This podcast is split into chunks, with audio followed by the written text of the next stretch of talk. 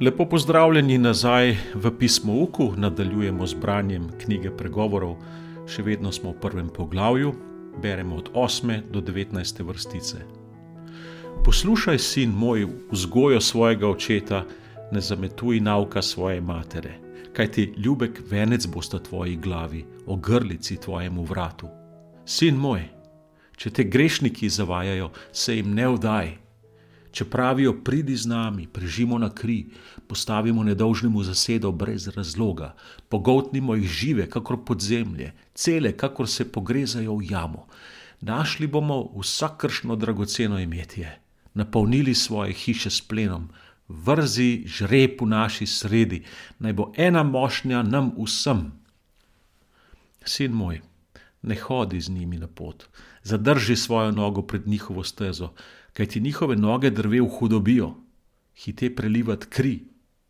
Za manj se nam reče razpenja mreža pred očmi vseh ptičev, tako oni prežijo na lastno kri, postavljajo zasedo lastnemu življenju.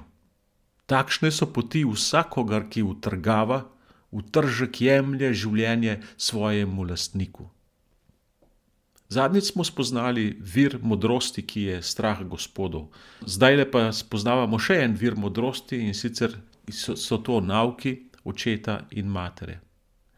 Oče in mati želita svojim otrokom dobro, tukaj želita svojega sina obvarovati pred tem, da bi padel v slabo družbo, oziroma da bi padel v nekakšno tolpo.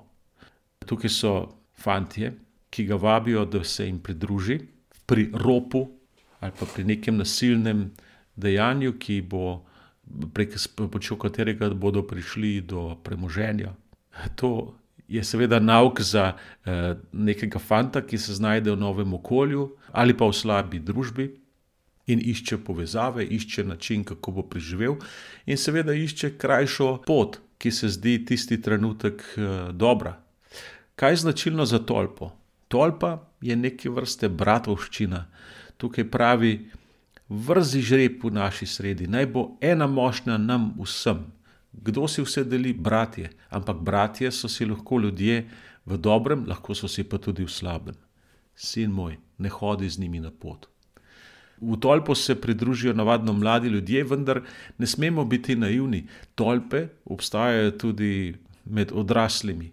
Namreč največkrat v poslovnem svetu ko drug drugemu ljudje krijejo hrbet in goljufajo, in mogoče celo skupaj snujejo, kako bi prišli do denarja na hitro, do premoženja, na ta način, da bi, da bi ljudi izkoristili, mogoče jih celo ubili in, in zlorabili. Oče in mama tukaj pravita, ne hodi v tako družbo. To pravite zato, ker veste, da kdor dela zlo, zlo kliče sam nad se.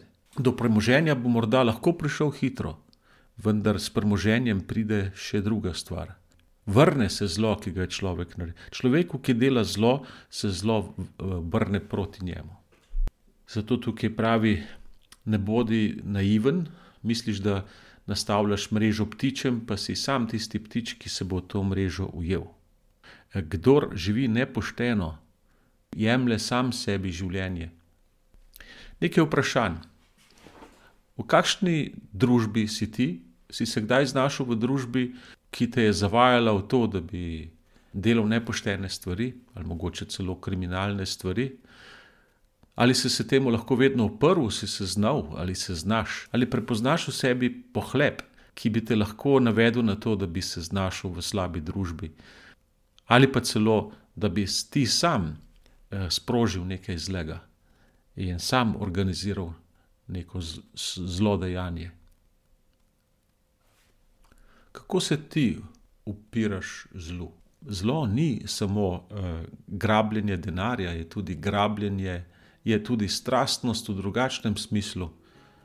Toliko za enkrat od pisma Uka, jutri nadaljujemo z branjem knjige in sledi razmišljanje o modrosti, ki se bo pojavila v obliki ženske.